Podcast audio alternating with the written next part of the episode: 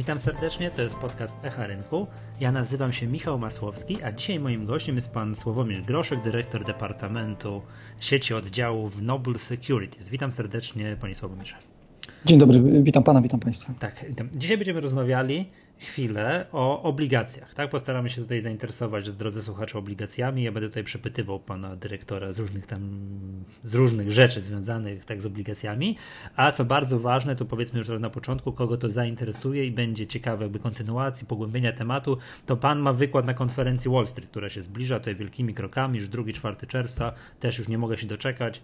Tak, siadam w pierwszym rzędzie na pana wykładzie, także to od razu mówię i... Bardzo, bardzo tak, mi miło, tak, będzie tak, nas dwóch, będę ja i kolega, tak więc Tak, nie, to trzech będzie, tak? Trzech, będzie nas, tak, nie, oczywiście żarty żartami, ufam, że będzie trochę więcej osób, no i post- chciałbym, żebyśmy chwilę o tym, chwilę o tym dzisiaj porozmawiali, bo obligacje to jest y, temat dla inwestorów indywidualnych, to się zawsze tak proszę odpowiedzieć mi na pytanie, to jest dlaczego inwestorzy indywidualni powinni się zainteresować y, obligacjami? To nie jest tak popularny, tak, tak nośny temat jak inwestycje w akcje. Dlaczego tak jest? Nie, jeszcze nie. Jest to stosunkowo młody temat, jeżeli chodzi o, o, nasz rynek.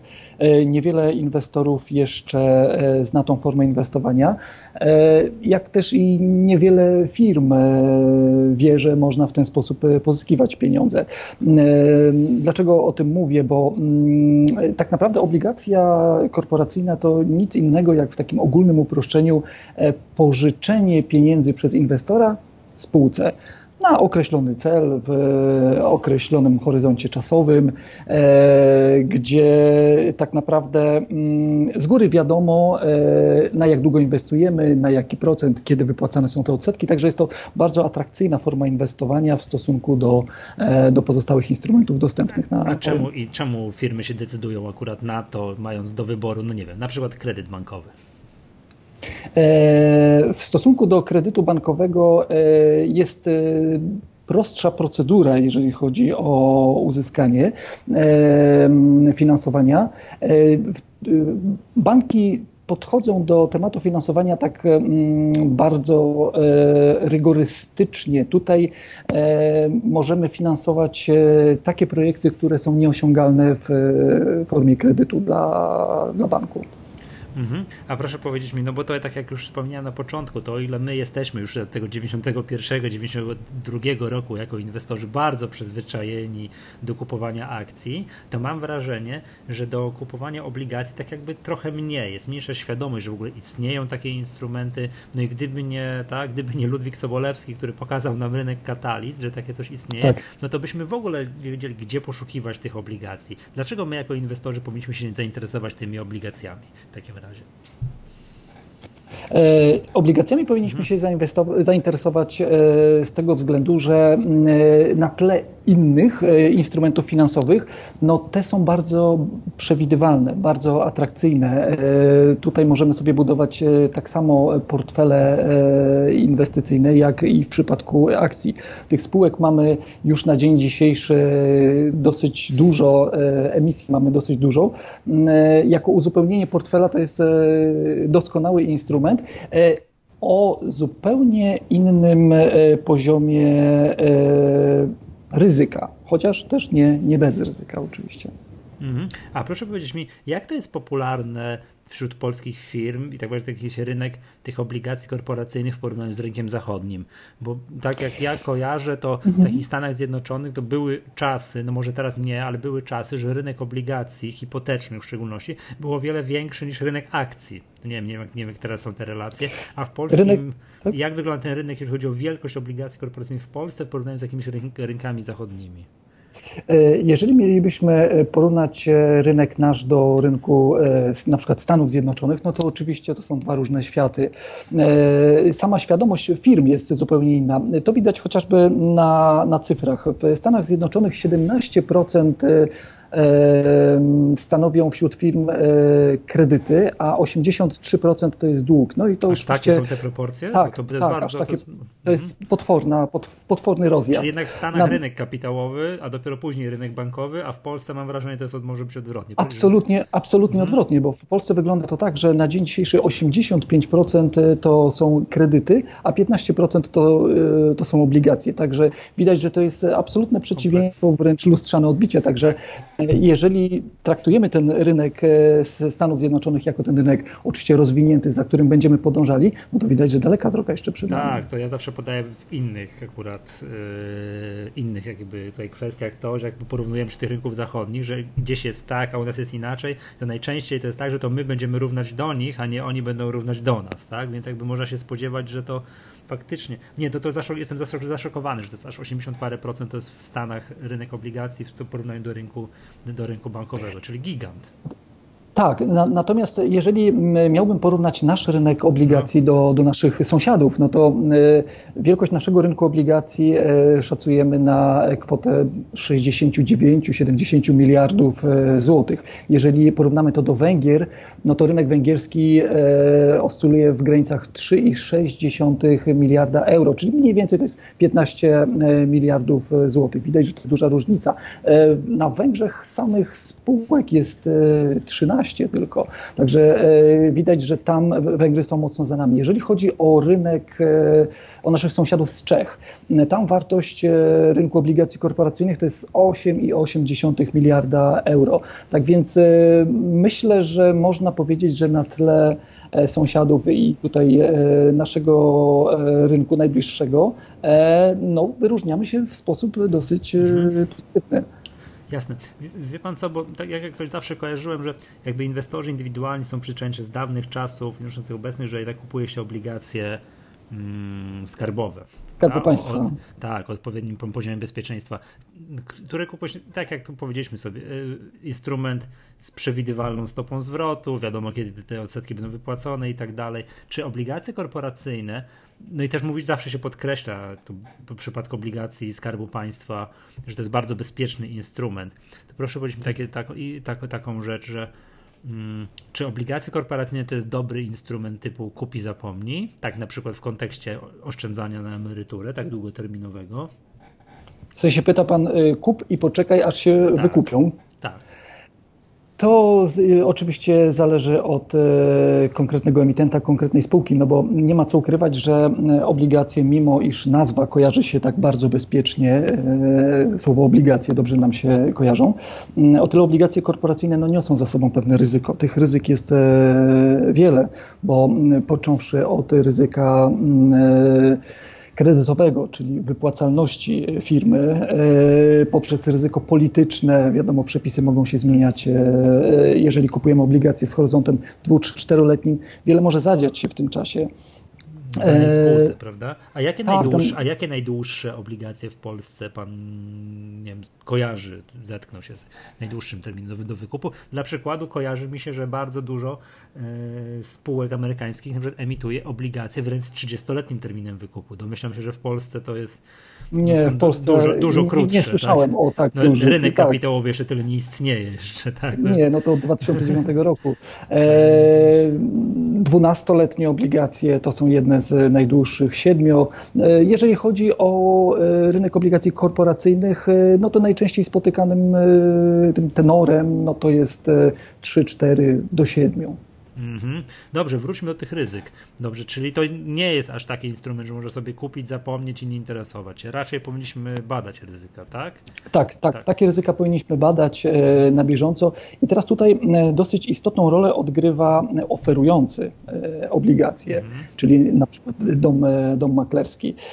Bo klient, który kupuje obligacje notowane, czyli spółek notowanych, e, no może na bieżąco śledzić sobie wyniki takiej spółki. Natomiast jest mnóstwo e, emisji prywatnych i nienotowanych nigdzie.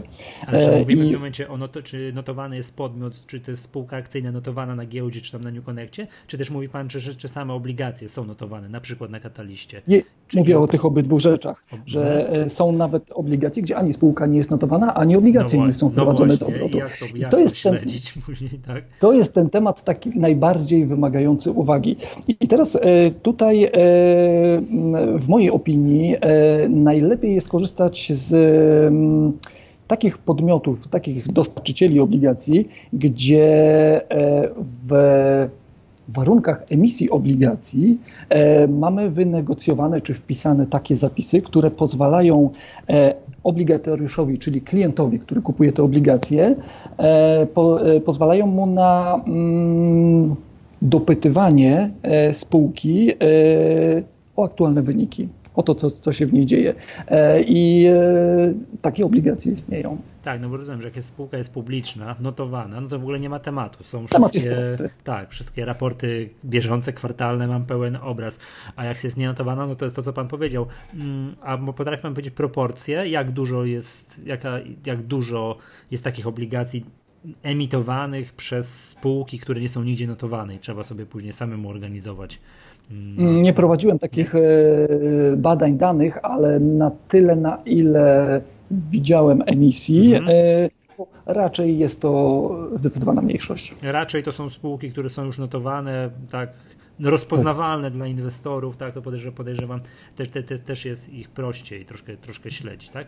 Mm, wie pan, jeszcze też zapytam taką rzecz, bo skoro już mówimy o tych ryzykach, no mi się kojarzy tak, że jak jest, mam punktu widzenia obligacji, to czy też tak jest, chciałem, żeby Pan potwierdził, opowiedział trochę o tym, że jak na przykład są notowane akcje i w danej spółce się źle dzieje, no no jest jak jest. Jak spółka jest w trendzie spadkowym, Oczywiście. coraz gorsze wyniki finansowe. No była, wczoraj była notowana, nie, rok temu po 100 zł, dzisiaj po 50, za pojutrze po 10. Ja mogę w pewnym, momencie zawsze powiedzieć, dobra, to ja sprzedaję, to ja już mam dosyć tych akcji, już widzę, że oni chyba raczej nie pozbierają się, już nie chcę, biorę, sprzedaję na rynku. A w przypadku obligacji to jest trochę tak, też to my jako Stowarzyszenie Inwestorów Indywidualnych to trafiają do nas tacy, tacy inwestorzy. Oni mówią tak, że spółka nie puszczała żadnych negatywnych komunikatów, dochodziło, y, obligacje były normalnie notowane na kataliście i tam ten kurs tej obligacji no nie spadał, dochodziło do dnia wykupu, cyk i spółka nikogo nie wykupowała obligacji. Chodzi o to, że w przypadku akcji to widać, ten kurs jest spadkowo od, od dłuższego czasu. W przypadku obligacji na bieżąco. Jest, tak, jest, jest czasami takie skok w przepaści, w przepaść. Daje się wszystko dobrze, dobrze, dobrze i nagle jest urwanie, bo spółka nie wypłaciła odsetek. Czy jakie są metody, czy takie, takie coś rzeczy się dzieją i jakie są metody, nie wiem, reagowania na coś takiego? Jakie, co, na co my inwestorzy powinniśmy zwrócić, zwrócić uwagę? Jeżeli spółka jest notowana na katalist, no to oczywiście tam też e, widać tą, tą tak, wycenę papieru, więc to, tak, tak, to, to, to, to od razu powinno, widać, jeżeli coś się dzieje w danej... powinno być widać, przynajmniej powinno tak, widać, tak jest. Tak, tak, tak. E, wrócę znowu do tak. tych e, obligacji, gdzie w warunkach emisji negocjowane są przez domy maklerskie te zapisy, które pozwalają na E, wgląd czy zapytywanie firmy o aktualne dane, dane finansowe, bo w zasadzie w takiej sytuacji to jest e, jedyna e, droga do tego, aby dowiadywać się takich rzeczy i na bieżąco reagować. Ważnym jest też to, że mm, dobrze jest rozważać współpracę z takim domem maklerskim, z takim podmiotem, gdzie istnieje możliwość obrotu na rynku wtórnym w ramach e, danego dostarczyciela obligacji, e, gdyż e, takie papiery wtedy możemy sprzedać przed czasem. Nie musimy czekać aż do momentu wykupu, możemy oddać je wcześniej. No tak, to wydaje mi się dosyć istotne dla inwestorów, że kupuje nawet na te powiedzmy sobie 5 lat te obligacje, no wszystko się może zdarzyć, no potrzeba go W czasie 5 lat to jest naprawdę tak, dużo tak, czasu. Ja chciałbym za 3 lata się ich pozbyć, nie wiem, bo coś, mhm. tak, z różnych przyczyn, tak, to żebym miał taką możliwość, tak, to jest jakby, to jest dosyć istotne. Ale to skoro już tak mówimy o tych ryzykach, to jak przeciwdziałać nam? Na pierwsze, co mi się nasuwa, to coś takiego, czy w przypadku obligacji dokonuje się podobnego zabiegu jak w przypadku akcji, to znaczy mówię tutaj o dywersyfikacji, też jakby tak. można kupować takie, nie wiem, że kupię nie obligacje banku, kupię obligacje dewelopera i obligacje o, komunalne gminy tutaj, tutaj nie wiem, za rogu, prawda? Tak, dywersyfikacja tak, e, w przypadku obligacji jest e, dokładnie tak samo istotnym e, czynnikiem jak w przypadku każdych innych instrumentów finansowych. I tutaj jakby formy tej dywersyfikacji mogą być bardzo różne w zależności od tego, od upodobań klienta, jego oczekiwań, inwestora. Można dywersyfikować sobie po branżach, po okresach e, trwania danych obligacji, e, po, w danej branży, po konkretnych spółkach. Jedne spółki nam się podobają, na przykład jeden deweloper nam się podoba, drugi nam się mniej podoba. E, możemy sobie dywersyfikować po częstotliwości wypłacania odsetek czy kuponów, tak żeby sobie poukładać przepływy finansowe. Tak więc e, oczywiście mnogość w portfelu e, papierów e, jest uzależniona od zasobności portfela. No to jest no, ale to po, podobnie jak w przypadku akcji. To akurat się Dokładnie tutaj, tak. Dlatego tak nawiązuje. Tutaj Y, nie różni. Dobrze, to y, a proszę powiedzieć mi skąd jakby, nie wiem, o, źródła informacji, takie coś, skąd czerpać takie źródła informacji o obligacjach, czy, bo w przypadku akcji to jest proste, ja mam tak tabelę notowań, wszystko widzę, wiem jakie oferty publiczne się odbywają, bo to są z reguły głośne sprawy, jak gdybym chciał się, był takim inwestorem, który chce się zainteresować, podoba mi się, dobra, chcę sobie ten portfel akcji zdywersyfikować, mieć jakieś obligacje, to gdzie powinien, co powinienem zrobić? Czy Państwo takie rzeczy oferujecie? Tak, jak najbardziej tak. E, e, oczywiście oprócz tego, co jest widoczne na kataliście, e, no też musimy pamiętać, że coraz więcej jest emisji obligacji prywatnych, mm -hmm. czyli takich, gdzie... Mm, gdzie nikt nic o, nie wie, do momentu się nie oplasuje, tak, niestety.